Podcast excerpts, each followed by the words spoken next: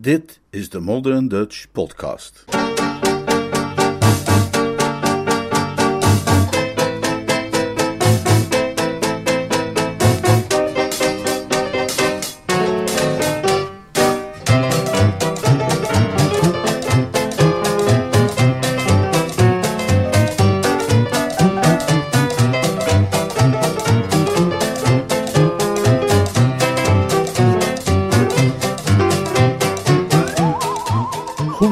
Bezig, Jeeves.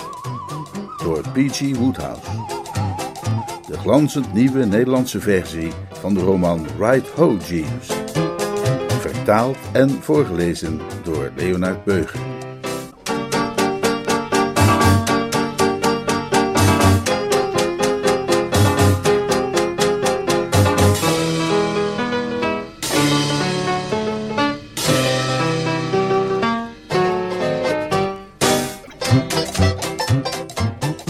Hoofdstuk 22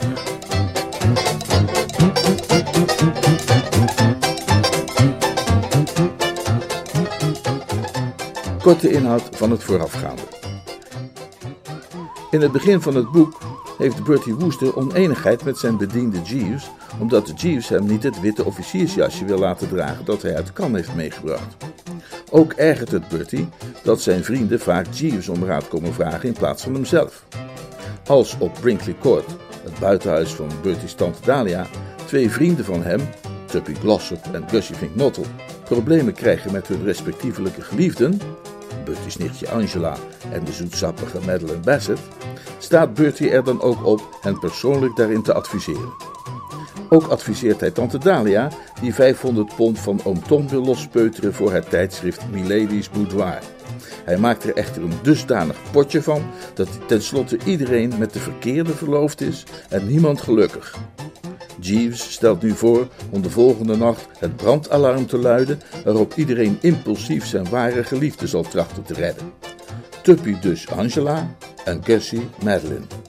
Zo zal alles goed komen. Bertie waarschuwt Jeeves wel, hem kennende, dat hij in de euforie over een goede afloop hem niet straks zal vragen afstand te doen van zijn witte officiersjasje.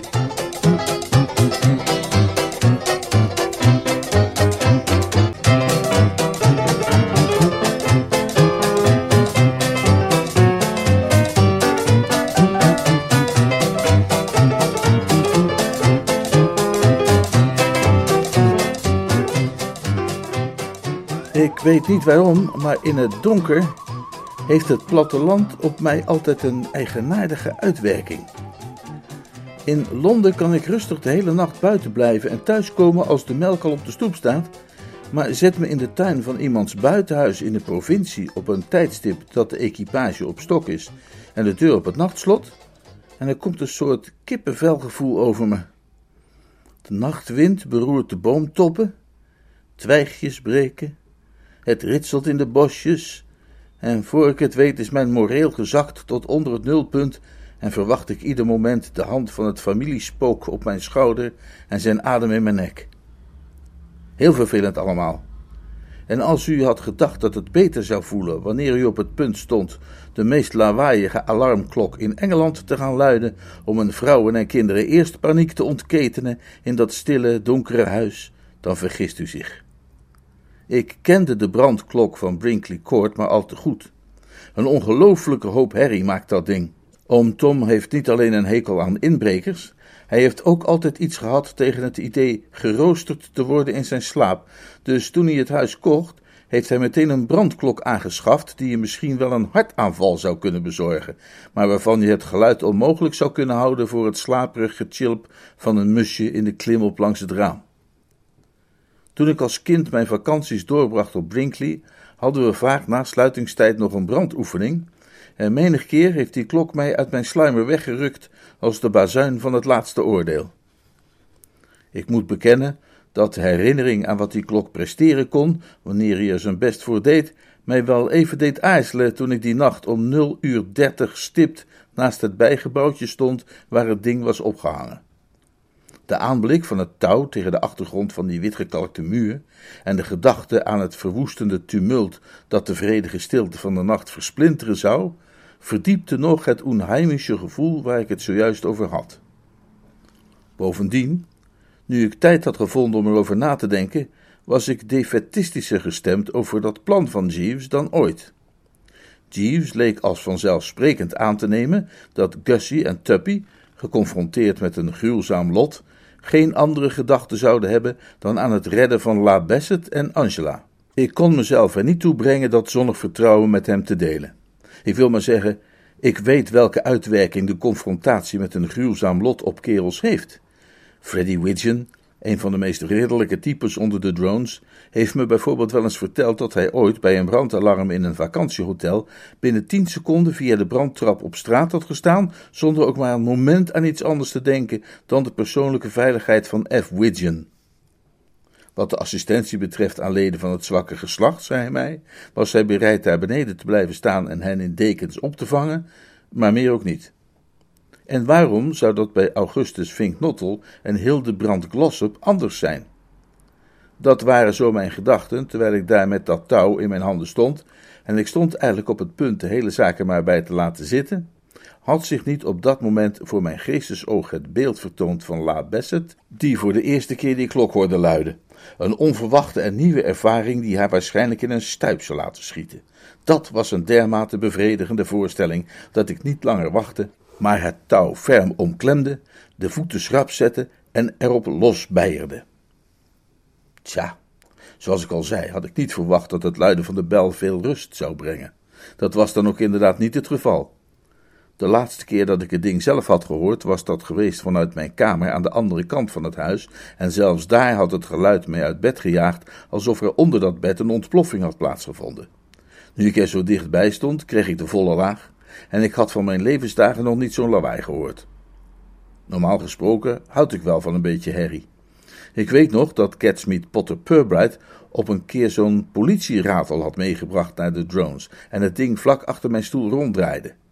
Ik leunde eenvoudig ontspannen achterover met gesloten ogen en een tevreden glimlach als iemand in zijn loge in de opera. En hetzelfde geldt voor die keer dat mijn tante Agatha's zoontje Tos een lucifer hield bij het vuurwerkpakket dat klaar stond voor Guy Fawkes Day om te zien wat er gebeurde. De brandklok van Brinkley Court was echter te veel voor me. Ik trok een keer of zes aan het touw, maar hield het toen voor gezien en slenterde naar het gazon aan de voorkant van het huis om in ogenschouw te nemen wat van een en ander het resultaat zou zijn. Brinkley Court had zich van zijn beste kant laten zien. Een enkele blik verzekerde me ervan dat er sprake was van een maximale bezetting. Het ronddwalend oog bespeurde hier om Tom in een paarse kamerjas en daar tante Dalia in het vertrouwde blauw en geel. Ook signaleerden wij daar Anatole, Tuppy, Gussie, Angela, La Bassett en Jeeves in de genoemde volgorde. En ieder aanwezig, heelhuids en voltallig. Maar wat mij onmiddellijk zorgen baarde, was dat ik hoegenaamd niets bespeurde van enige vorm van reddingswerk, hoe dan ook. Wat ik uiteraard had gehoopt, was te zien hoe Tuppy zich bezorgd over Angela boog in de ene hoek van het terrein, terwijl in de andere Gussie La Bassett koelte toewuifde met een handdoek maar in plaats daarvan maakte La Bassett deel uit van een groepje met tante Dalia en oom Tom, dat druk bezig leek te proberen Anatole de zonnige kant van de zaak te laten zien, terwijl Angela en Gussie respectievelijk chagrijnig tegen een zonnewijzer leunden en op het gras gezeten een geschaafde enkel wreven. Tuppy drentelde ongedurig in zijn eentje het pad op en neer. Een verontrustende aanblik, zoals u zult erkennen. Het was met een nogal laatdunkend gebaar dat ik Jeeves bij mij riep. En, Jeeves? Nee. Ik wierp hem een gestrenge blik toe. Nee? Mijn hemel. Een zinloze opmerking dat, meneer Jeeves. Kijk om je heen en zie je het zelf. Dat plannetje van jou is volkomen mislukt. Het lijkt er inderdaad op dat de zaken zich niet hebben ontwikkeld op de wijze die wij hadden voorzien, meneer. Wij? Zoals ik had voorzien, meneer. Dat lijkt er meer op. Had ik je niet gezegd dat het een flop zou worden? U had inderdaad uw twijfels, herinner ik mij, meneer. Twijfels is zacht uitgedrukt, Jeeves. Ik zag het hele idee van begin af aan al voor geen meter zitten. Toen jij het de eerste keer opperde, heb ik meteen gezegd dat er niets van deugde. En ik heb gelijk gekregen. Ik neem het je overigens niet kwalijk, Jeeves. Het is niet jouw schuld dat jij je hersens hebt versterkt. Maar En vergeef me als ik je daar misschien mee kwets, Jeeves. In de toekomst zal ik je daarom alleen nog raadplegen in de meest eenvoudige, basale aangelegenheden. We kunnen daar maar het beste open en eerlijk over zijn, vind je niet? Onomwonden en oprecht blijft toch altijd de genadigste methode. Zeer zeker, meneer. Ik bedoel maar uh, zachte heelmeesters, hè? Wat, wat? Precies, meneer. Het lijkt mij... Vergeef me dat ik u in de reden val, meneer. Maar ik meen dat Mrs. Travers uw aandacht probeert te trekken. Op hetzelfde moment maakte een luidkeels hij daar, dat qua volume en dictie uitsluitend van de betreffende bloedverwanten afkomstig kon zijn, volkomen duidelijk dat zijn standpunt in deze correct was. Kom jij eens heel even hier, Attila, als het je niet al te zeer ontrieft. Galmde haar welbekende en onder zekere omstandigheden ook wel beminde stem en ik gaf daar gehoor aan. Ik voelde mij niet geheel en al op mijn gemak. Voor het eerst begon nu tot mij door te dringen dat ik niet een erg waterdicht verhaal had voorbereid om mijn twijfelachtige gedrag te kunnen verklaren rond het luiden van alarmklokken op onchristelijke tijdstippen, en ik heb tante Dalia zich wel eens vaker met onverkwikkelijke vrijmoedigheid horen uiten bij minder provocatieve gelegenheden dan deze. Ze vertoonde evenwel geen tekenen van geweld. Meer een soort ijzig bevroren kalmte, als u begrijpt wat ik bedoel. Je kon zien dat zij een vrouw was die geleden had. Zo, Bertie, mijn beste knul, zei ze. Daar zijn we dan met z'n allen? Uh, juist, antwoordde ik voorzichtig. We missen niemand, is het wel? Ik dacht het niet. Mooi, mooi. Dus ze een stuk gezonder voor ons hier buiten dan in ons bed in zo'n bedompte slaapkamer. Ik was net in slaap gevallen toen jij begon met je vrolijke klokkenspel. Want jij was het toch, hè? Mijn schat van een jongen, die die klok luidde? Of heb ik het mis? Nee, ik, ik, ik heb inderdaad die, uh, die, die klok geluid. Ja, ja. En was daar nog een speciale reden voor? Of deed je dat zomaar? Ik uh, dacht dat er brand was. En hoe kwam je daar dan bij, mijn lieverd? Ik, ik, ik dacht dat ik vlammen had gezien. En waar dan wel, schat? Hè? Vertel het je tantetje maar. Uh, achter een van de ramen. Ah, juist. Dus wij zijn allemaal met de doodschrik in ons lijf uit ons bed gejaagd, omdat jij dacht dat je iets gezien had. Op dat moment maakte oom Tom een geluid als van een kurk die uit een fles getrokken wordt, en Anatole, de punten van wiens snor een nieuw dieptepunt hadden bereikt, mompelde iets over een klein weinig apen en als ik mij niet vergis een rogommier, wat dat ook zijn mag. Ja, ik geef toe dat ik me vergist heb. Uh, het, het spijt me. Verontschuldig je maar niet hoor, mijn ventje. Zie je niet hoe blij wij allemaal zijn? Trouwens, wat deed jij eigenlijk hier buiten? Ik maakte alleen maar een, uh, een wandelingetje. Juist, ja. En was je van plan straks nog wat verder te gaan wandelen? Nee, ik denk dat ik nu maar naar eh, binnen ga. Mooi zo. Want ik was eigenlijk ook van plan naar binnen te gaan. Maar ik vreesde dat ik niet erg goed in slaap zou kunnen komen bij de gedachte dat jij daar buiten ronddwaalde, geneigd om in te gaan op toevallige oprispingen van die machtige fantasie van jou. Het zou bijvoorbeeld zomaar kunnen gebeuren dat je dacht dat je een roze olifant had zien zitten op de vensterbank in de salon en dat je er dan stenen naar ging gooien. Ja, ik noem maar wat, hè? Maar goed, Tom, we gaan. De voorstelling is kennelijk afgelopen. Maar wacht, de salamanderkoning wil ons geloof ik ook iets vragen. Ja, Mr. Finknottel. Gussie, die zich nu bij ons groepje voegde, leek ergens over in te zitten. Zeg, Mrs. Travers. Zeg zelf maar eerst iets, Augustus. Zeg, Mrs. Travers, wat doen we nu? Nou, wat mij betreft, ik ga terug naar bed. Maar de deur zit dicht. Welke deur? De voordeur. Iemand moet hem op slot hebben gedaan. Dan maken we hem wel weer open. Maar dat lukt niet. Dan houden we een andere deur. Alle deuren zitten dicht.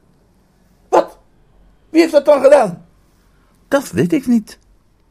Ik opperde een theorie. De wind misschien? Tante Dalia's blik trof de mijne. Daag me niet te ver uit, smeekte ze. Niet nu, engel. En inderdaad, al terwijl ik het zei, had ik gemerkt dat het in feite windstil was. Oom Tom zei dat we dan maar door een raam naar binnen moesten klimmen. Tante Dalia zuchtte. Hoor dan, zou Lord George dat kunnen? Zou Winston dat kunnen? Zou Baldwin dat kunnen? Nee, niet sinds jij die tralies ervoor hebt laten zetten. Ach, ach, goeie genade, dat is waar. Dan zullen we toch de bel moeten gebruiken. De alarmbel? Nee, de deurbel. Waartoe, Thomas? Er is niemand binnen. Alle bedienden zijn op Kingham. Maar potverdorie, we kunnen toch onmogelijk de hele nacht hier buiten blijven staan. Oh nee, nou, moet jij eens opletten. Er is niets, letterlijk niets, wat in een landhuis onmogelijk van je gevraagd kon worden als onze vriend Attila daar rondwaart. Seppings heeft waarschijnlijk de sleutel van de achterdeur meegenomen. We zullen ons moeten zien te vermaken tot hij terugkomt. Tuppy kwam met een voorstel.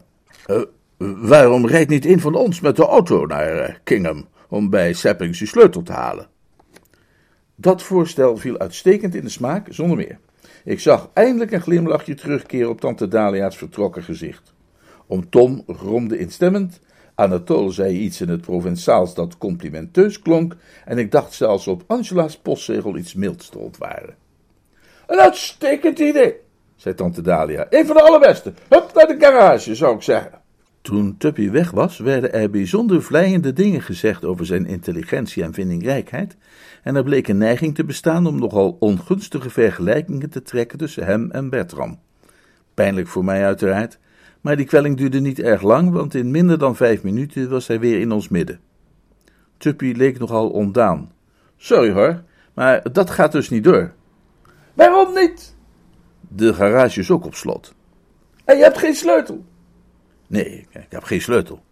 Dat moet je roepen om Waterbury wakker te maken. Wie is Waterbury? De chauffeur, sukkel. Die slaapt boven de garage. Maar die is ook naar de bal op Kingham. Dat was de laatste druppel. Tot op dat moment had tante Dalia een ijzige kalmte weten te bewaren. Maar nu barstte de dam.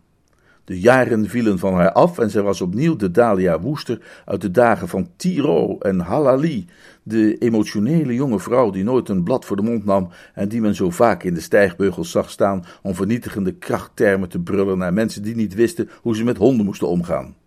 Naar de hel met dansende chauffeurs. Waarom moet een chauffeur snotverderie zo nodig dansen? Ik heb die man nog nooit vertrouwd. Iets heeft me van meet gezegd dat het een danser was. Nou, dat doet de deur dicht. Nu staan we hier tot morgen tijd is voor het ontbijt. Als die vervloekte bedienden voor achter terug zijn, zou mij dat hooglijk verbazen. Die Seppings is letterlijk niet weg te slaan van zo'n dansfeestje. Die zullen ze eruit moeten smijten. Ik weet hoe die is. Die jazz stijgt naar zijn hoofd. En dan blijft hij maar staan bies roepen en, en klappen tot de blaren op zijn handen staan. Naar de duivel met dansende butlers. Wat is Brinkley Court eigenlijk? Een fatsoenlijk Engels landhuis of een loesje dansschool?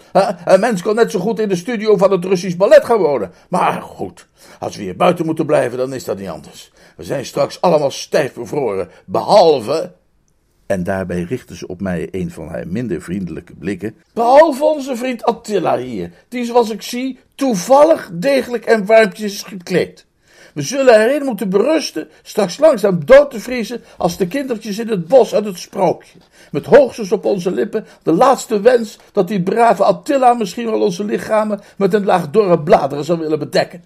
Ongetwijfeld zal hij ook die brandklok nog eens willen luiden, als teken van respect. En wat wil jij nu weer, beste kerel? Ze onderbrak zichzelf en staarde Jeeves aan, die tijdens het laatste gedeelte van haar toespraakje op respectvolle wijze naderbij was gekomen om te trachten haar blik te vangen. Als ik een voorstel zou mogen doen, mevrouw. Ik kan niet zeggen dat ik tijdens onze langjarige connectie in alle gevallen tevreden heb kunnen zijn over Jeeves. Sommige aspecten van zijn karakter zijn regelmatig de oorzaak geweest van een verkoeling die tussen ons optrad. Hij is een van die mensen die, als je hem de, hoe heet het geeft, meteen de hele dingen pakken. Zijn werk is vaak weinig gepolijst geweest. En het is voorgekomen dat hij mij heeft aangeduid als intellectueel verwaarloosbaar. Meer dan eens is het, zoals ik heb aangetoond, mijn pijnlijke taak geweest bij hem de neiging te onderdrukken tot een zekere aanmatiging en zijn jeugdige meester te behandelen als een onderhorige of nauwelijks meer dan een pion. Dat zijn ernstige tekortkomingen. Maar er is één ding dat ik hem altijd heb moeten nageven. Hij bezit een magnetische persoonlijkheid. Er hangt iets om hem heen dat kalmeert en hypnotiseert. Voor zover ik weet is hij nooit aangevallen door een rhinoceros, maar mocht dat ooit voorkomen, dan twijfel ik er niet aan of het dier zal, getroffen door zijn blik, zijn aanval afbreken en knorrend over de grond beginnen te rollen met zijn poten in de lucht. Hoe dan ook, hij wist binnen vijf seconden tante Dalia te kalmeren, die toch een rhinoceros in de aanval bijzonder nabij komt. Hij stond daar eenvoudig in een eerbiedige houding, en hoewel ik de tijd niet exact heb opgenomen, daar ik immers geen stopwatch bij me had, zou ik toch rustig durven zeggen dat het niet meer dan drie en een kwart seconde duurde eer haar hele houding een verbazingwekkende verandering ten goede liet zien. Men zag haar gewoonweg smelten. Jeeves, heb jij een idee? Jawel, mevrouw. Jouw machtig brein heeft nu de nood aan de man is meteen een oplossing geproduceerd? Ja, mevrouw. Jeeves, zei tante Dalia met trillende stem. Spijt me dat ik jou daar net zo bot aansprak. Ik was mezelf niet. Ik had kunnen weten dat jij niet gewoon een beetje kwam babbelen. Vertel ons wat je idee is, Jeeves. Voeg je bij ons groepje denkers en laat ons horen wat je te zeggen hebt. Maak het je gezellig, Jeeves, en spreek op. Kun jij ons werkelijk uit deze ellende halen? Jazeker, mevrouw. Mits een van de heren bereid is de fiets te nemen. De fiets? In het tuinschuurtje bij de moestuin staat een fiets, mevrouw. Wellicht zou een van de heren ervoor voelen daarop naar Kingham Manor te rijden ten einde de achterdeursleutel te halen bij Mr. Seppings. Meesterlijk, Jeeves. Dank u, mevrouw. Geweldig. Dank u, mevrouw. Attila? Zei tante Dalia op evenwichtige, bevelende toon, terwijl ze zich naar mij omdraaide. Ik had het al wel verwacht. Vanaf het ogenblik dat de kerel zijn slecht beraden woorden gesproken had, had ik er een voorgevoel van gekregen dat vast en zeker weer geprobeerd zou worden om mij het bokje te laten zijn. Ik zette mij schrap om te protesteren en weerstand te bieden. Ik stond op het punt mijn mond open te doen en bereidde mij erop voor al mijn welsprekendheid aan te wenden om duidelijk te maken dat ik helemaal niet fietsen kon en dat ik dat onmogelijk zou kunnen leren in de korte tijd die mij ter beschikking stond, toen Jeeves mijn verzet potverdorie in de kiem smoorde. Jazeker, mevrouw. Mr. Wooster zou deze taak voortreffelijk kunnen vervullen. Hij is een uitgelezen wielrijder. Hij heeft zich vaak tegenover mij beroemd op zijn triomfen in die tak van sport. Dat was niet waar. Dat had ik absoluut nooit gedaan. Het is monsterlijk hoe mensen je woorden verdraaien. Het enige dat ik ooit wel eens tegen hem heb gezegd, en dat volkomen terloops, zomaar als een opmerking die hij misschien interessant zou kunnen vinden op een dag dat we in New York samen naar de Zesdaagse keken, was dat ik, toen ik veertien was en de vakantie doorbracht bij een of andere priester die mij wat Latijn moest bijbrengen, ik de handicap race voor koorknapen heb gewonnen tijdens het Sint-Jansfeest dat ze daar vierden. Dat is heel iets anders dan je beroemen op je triomfen in een bepaalde tak van sport. Ik bedoel, Jeeves is een man van de wereld en weet heel goed dat de competitie op zo'n schoolfeest niet bepaald indrukwekkend is. En als ik mij niet vergis, heb ik hem daar nog speciaal bij verteld dat ik een halve ronde voorsprong had gekregen en dat Willy Punting, de absolute favoriet, voor wie het bij wijze van spreken een gereden wedstrijd was, zich had moeten terugtrekken. Dat kwam omdat hij de fiets van zijn grote broer had gepikt zonder te vragen, en die grote broer daarachter kwam precies toen het startschot viel en hem een draai om zijn oren gaf en zijn fiets terugpakte, zodat hij uiteindelijk gedisqualificeerd moest worden. Maar ja, op de manier waarop Jeeves het had verteld, klonk het alsof ik een van die kerels was in zo'n gele of zo'n roze trui, die je af en toe in de tijdschriften ziet staan omdat ze van Hyde Park Corner naar Glasgow zijn gereden in een uur minus drie minuten of zoiets. En alsof dat nog niet erg genoeg was, ging Tuppy zich er ook nog eens mee bemoeien. Dat klopt, zei Tuppy. Bertie is altijd een geweldige fietser geweest. Ik weet nog dat hij in Oxford, bij feestjes na de bootraces, altijd zijn kleren uittrok en naar rondjes ging rijden om het binnenplein onder het zingen van jolige liedjes. en daar reed hij razendsnel nog bij ook.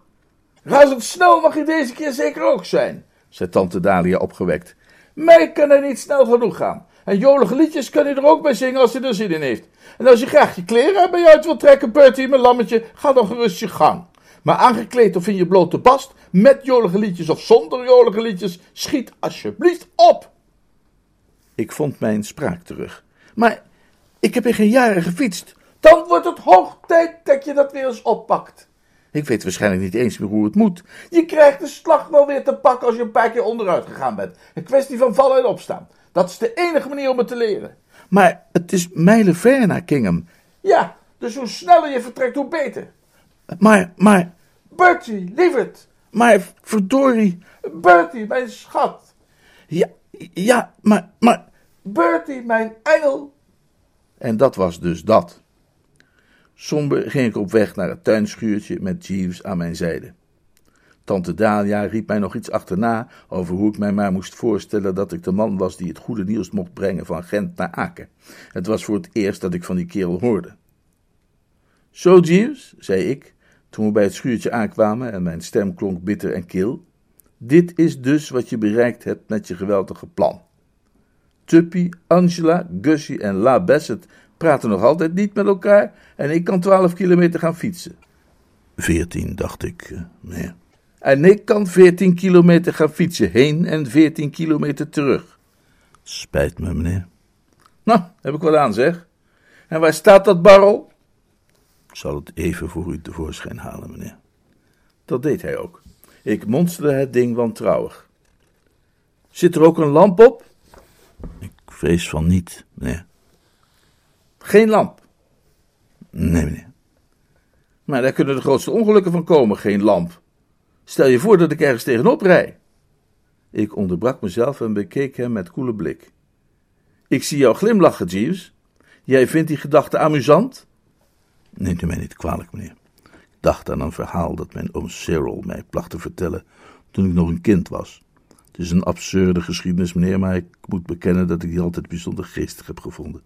Volgens mijn oom Cyril gingen eens twee wielrijders genaamd Nichols en Jackson per tandem op weg naar Brighton, maar hadden onderweg het ongeluk in aanrijding te komen met een brouwerswagen.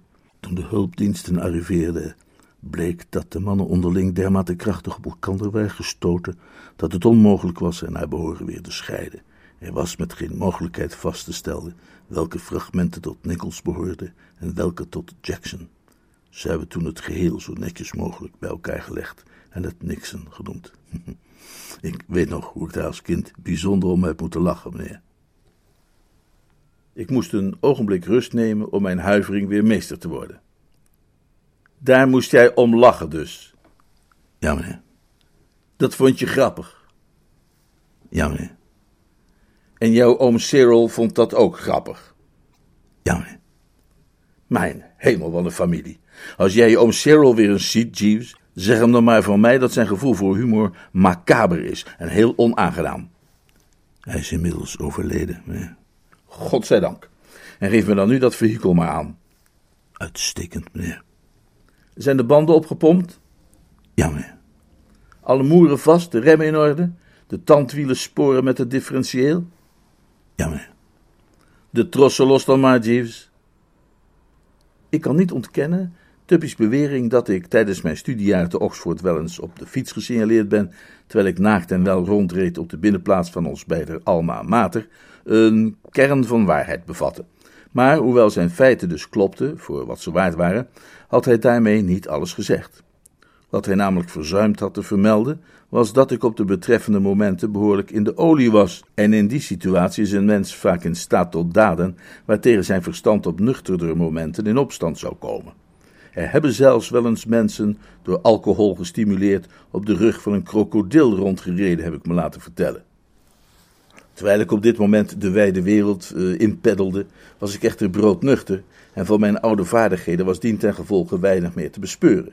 Ik slingerde hevig en alle verhalen over gruwelijke fietsongelukken die ik ooit had gehoord, schoten mij één voor één te binnen. Met vooraan de stoet die vrolijke anekdote van Jeeves oom Cyril over Nichols en Jackson. Moeizaam voortploeterend door het duister, kon ik steeds minder begrip opbrengen voor de mentale houding van mensen als Jeeves oom Cyril. Wat zulke mensen in hemelsnaam voor aardigheid konden ontdekken in een ramp die kennelijk toch de volledige teloorgang had ingehouden van een menselijk wezen, of althans van een half menselijk wezen en nog een ander half menselijk wezen, ging mijn begrip te boven. Voor mij was het een van de meest aangrijpende tragedies die ooit onder mijn aandacht was gebracht, en ik zou er ongetwijfeld nog lang over hebben nagebroed, waren mijn gedachten niet afgeleid door de plotselinge noodzaak van een felle zigzagmanoeuvre ten einde een varken te ontwijken dat onverwacht dus weg overstak. Even leek het een echte Nichols en Jackson kwestie te worden, maar gelukkig kon door een snelle zig mijnerzijds die mooi combineerde met een zag van de kant van het varken het ergste vermeden worden en kon ik veilig verder rijden, zei het met een hart dat leek te fladderen als een pasgevangen vogeltje. Het effect van deze nauwe ontsnapping was dat mijn zenuwen tot het uiterste gespannen raakten. Het feit dat er kennelijk varkens over de wegen zwierven, drukte mij nog eens met de neus op de gevaren van mijn nachtelijke onderneming. Het deed me beseffen wat voor andere dingen een man allemaal niet konden overkomen, s'nachts op een velocipede zonder licht. Met name herinnerde ik me het verhaal van een vriend van mij, die vertelde dat in sommige landelijke streken geiten vaak de weg overstaken, zover als hun ketting dat toeliet, en al dus een levensgevaarlijke valstrik vormde. Hij had het, als ik me goed herinner, over een kennis wiens fiets verstrikt was geraakt in zo'n geitenketting en die toen meer dan 10 kilometer was meegesleurd, zoals bij ski-Juring in Noorwegen, waar waaghalzen zich laten voorttrekken op skis door een paard of een auto, en die nooit meer helemaal dezelfde geworden was. En ook was er dat verhaal over die kerel die tegen een olifant was opgereden, die ontsnapt was uit een rondreizend circus. Werkelijk, het leek me dat er alles bij elkaar, misschien met uitzondering van een haaienbeet, vrijwel geen voorpagina-ramp was die een mens niet zou kunnen overkomen, die zich tegen beter weten in door zijn naaste en bloedverwanten had laten overhalen op een fiets het grote onbekende tegemoet te rijden. En ik schaam me niet te bekennen dat ik na die eerste bijna doodervaring met dat varken constant peentjes heb gezweet. Ik moet echter zeggen dat het achteraf gezien op het punt van geiten en olifanten ergens meegevallen. Merkwaardig genoeg ben ik geen van beide tegengekomen. Maar als je dat gezegd hebt, heb je ook wel alles gezegd, want in alle andere opzichten hadden de omstandigheden nauwelijks beroerder kunnen zijn. Nog los van de onophoudelijke zorg te moeten blijven uitkijken voor olifanten, werd ik ook telkens heel akelig van blaffende honden. En een keer kreeg ik een nare schok toen ik even was stil blijven staan om een richtingwijzer te raadplegen en ik daarbovenop een uil zag zitten die sprekend leek op mijn tante Agatha. Ik was op dat moment zelfs al dermate overspannen dat ik heel even dacht dat het tante Agatha was. En pas toen ik bij reflectie, dankzij de reden, besefte dat het wel erg tegen haar gewoontes in zou gaan om op richtingwijzers te klimmen en naar beneden te staren, wist ik mijzelf te herpakken en dat moment van zwakte te overwinnen. Kortom, met naast al deze mentale aanslagen ook nog de zuiver fysieke kwellingen van zitvlak, kuiten en enkels, was de Bertram Wooster die uiteindelijk van het zadel tuimelde voor de deur van Kingham Manor, een heel andere Bertram dan de lustige en nonchalante boulevardier die we kennen van Bond Street en Piccadilly. Zelfs voor iemand die de achterliggende feiten niet kende, was het duidelijk dat Kingham Manor die avond eens flink van zich wilde laten horen. Er fonkelde licht in de vensters, er zweefde muziek door de lucht, en toen ik dichterbij kwam, vernam mijn oor het smergelend voetgeschuif van butlers, huisknechten, chauffeurs, kamermeisjes, keukenmeiden, meisjes van alle werk en ongetwijfeld ook koks, die zich ritmisch ontspanden op de maat van de muziek. Een en ander was, denk ik, niet beter samen te vatten dan onder de term nachtelijk feestgedruis. De orgie vond plaats in een van de kamers op de benedenverdieping, met openslaande deuren in de richting van de oprijlaan, en naar die openslaande deuren begaf ik mij nu. Een orkestje speelde iets met behoorlijke vaart, en onder gelukkiger omstandigheden zouden mijn voeten zeker zijn gaan jeuken, maar ik had nu een ernstiger taak dan in mijn eentje op het grind te gaan staan wiemelen. Ik moest die achterdeursleutel hebben, en wel nu. Te midden van de menigte daarbinnen vond ik het aanvankelijk lastig Seppings te onderscheiden. Maar uiteindelijk verscheen hij toch in beeld, opmerkelijk soepel hupwiegend in het midden van de dansvloer. Ik deed een paar keer Hoi Seppings! Maar hij was te zeer geconcentreerd bezig om daarop te letten, en pas toen de natuurlijke beweging van het dansend gezelschap hem dicht genoeg in mijn buurt had gebracht om hem met de wijsvinger tussen de zwevende ribben te porren, lukte het mij zijn aandacht te trekken. Die onverwachte steek in de zij deed hem over de voeten van zijn danspartner struikelen, en het was met een uitgesproken gereserveerdheid dat hij zich omdraaide. Toen hij Bertram herkende, verdween echter zijn koele houding en toonde hij zich vooral verbaasd. Maar, uh, Mr. Wooster. Ik was niet in de stemming voor kletspraatjes. Minder gemiste Woester en meer achterdeursleutels, alsjeblieft, zei ik kortaf. Geef me die sleutel van de achterdeur, Seppings. Hij leek het kernpunt niet te vatten. De sleutel van de achterdeur, meneer? Precies, de sleutel van de achterdeur van Brinkley Court. Maar die is op Brinkley Court, meneer. Ik klakte geërgerd met mijn tong. Nu even geen geintjes, hè? Bovens de beste butler. Ik heb geen veertien kilometer gereden op een gammele fiets om hier naar jouw grapjes te gaan staan luisteren. Jij hebt die sleutel in je broekzak. Maar nee, meneer. Die heb ik achtergelaten bij Mr. Jeeves. Wat heb je gedaan? Voor ik hierheen ging, Mr. Jeeves zei dat hij nog wat in de tuin wilde wandelen voordat hij ging slapen. Hij zou de sleutel voor hem op het kozijn leggen van het keukenraam. Ik staarde de man verbijsterd aan. Zijn blik was helder, zijn hand trilde niet. Hij vertoonde niet de tekenen van een butter die er een paar te veel op heeft. Bedoel jij nu dat die sleutel de hele tijd in Jeeves bezit is geweest? Ja, meneer. Ik stond sprakeloos. De emotie had mij van mijn stem beroofd. Ik wist niet meer waar ik het had. Er was maar één ding, leek me, waaraan niet kon worden getwijfeld. En dat was dat Jeeves, om de een of andere reden die op dit moment niet te achterhalen was, maar waarvan de onderste steen gegarandeerd boven zou worden gehaald, zodra ik die duivelse naaimachine langs 14 kilometer eenzame landweg terug had weten te trappen en ik hem onder mijn slagarm had, mij een luizenstreek had geleverd. Wetende dat hij het hele probleem op elk moment eenvoudig had kunnen oplossen, had hij tante Dalia en de anderen en déshabillé gegijzeld op het gazon voor het huis en nog veel erger, er kalmpjes bijgestaan toen zijn jeugdige werkgever aan een volslagen overbodige fietstocht van 28 kilometer begon. Ik had het nauwelijks van hem kunnen geloven. Van zijn oom Cyril, ja, met dat verwrongen gevoel van humor van hem zou oom Cyril hoogstwaarschijnlijk wel tot zulk gedrag in staat zijn geweest. Maar Jeeves? Ik sprong in het zadel en terwijl ik de kreet van pijn onderdrukte die mij naar de lippen steeg, toen mijn gebutste persoon op het harde leder terecht kwam, begon ik aan de thuisreis.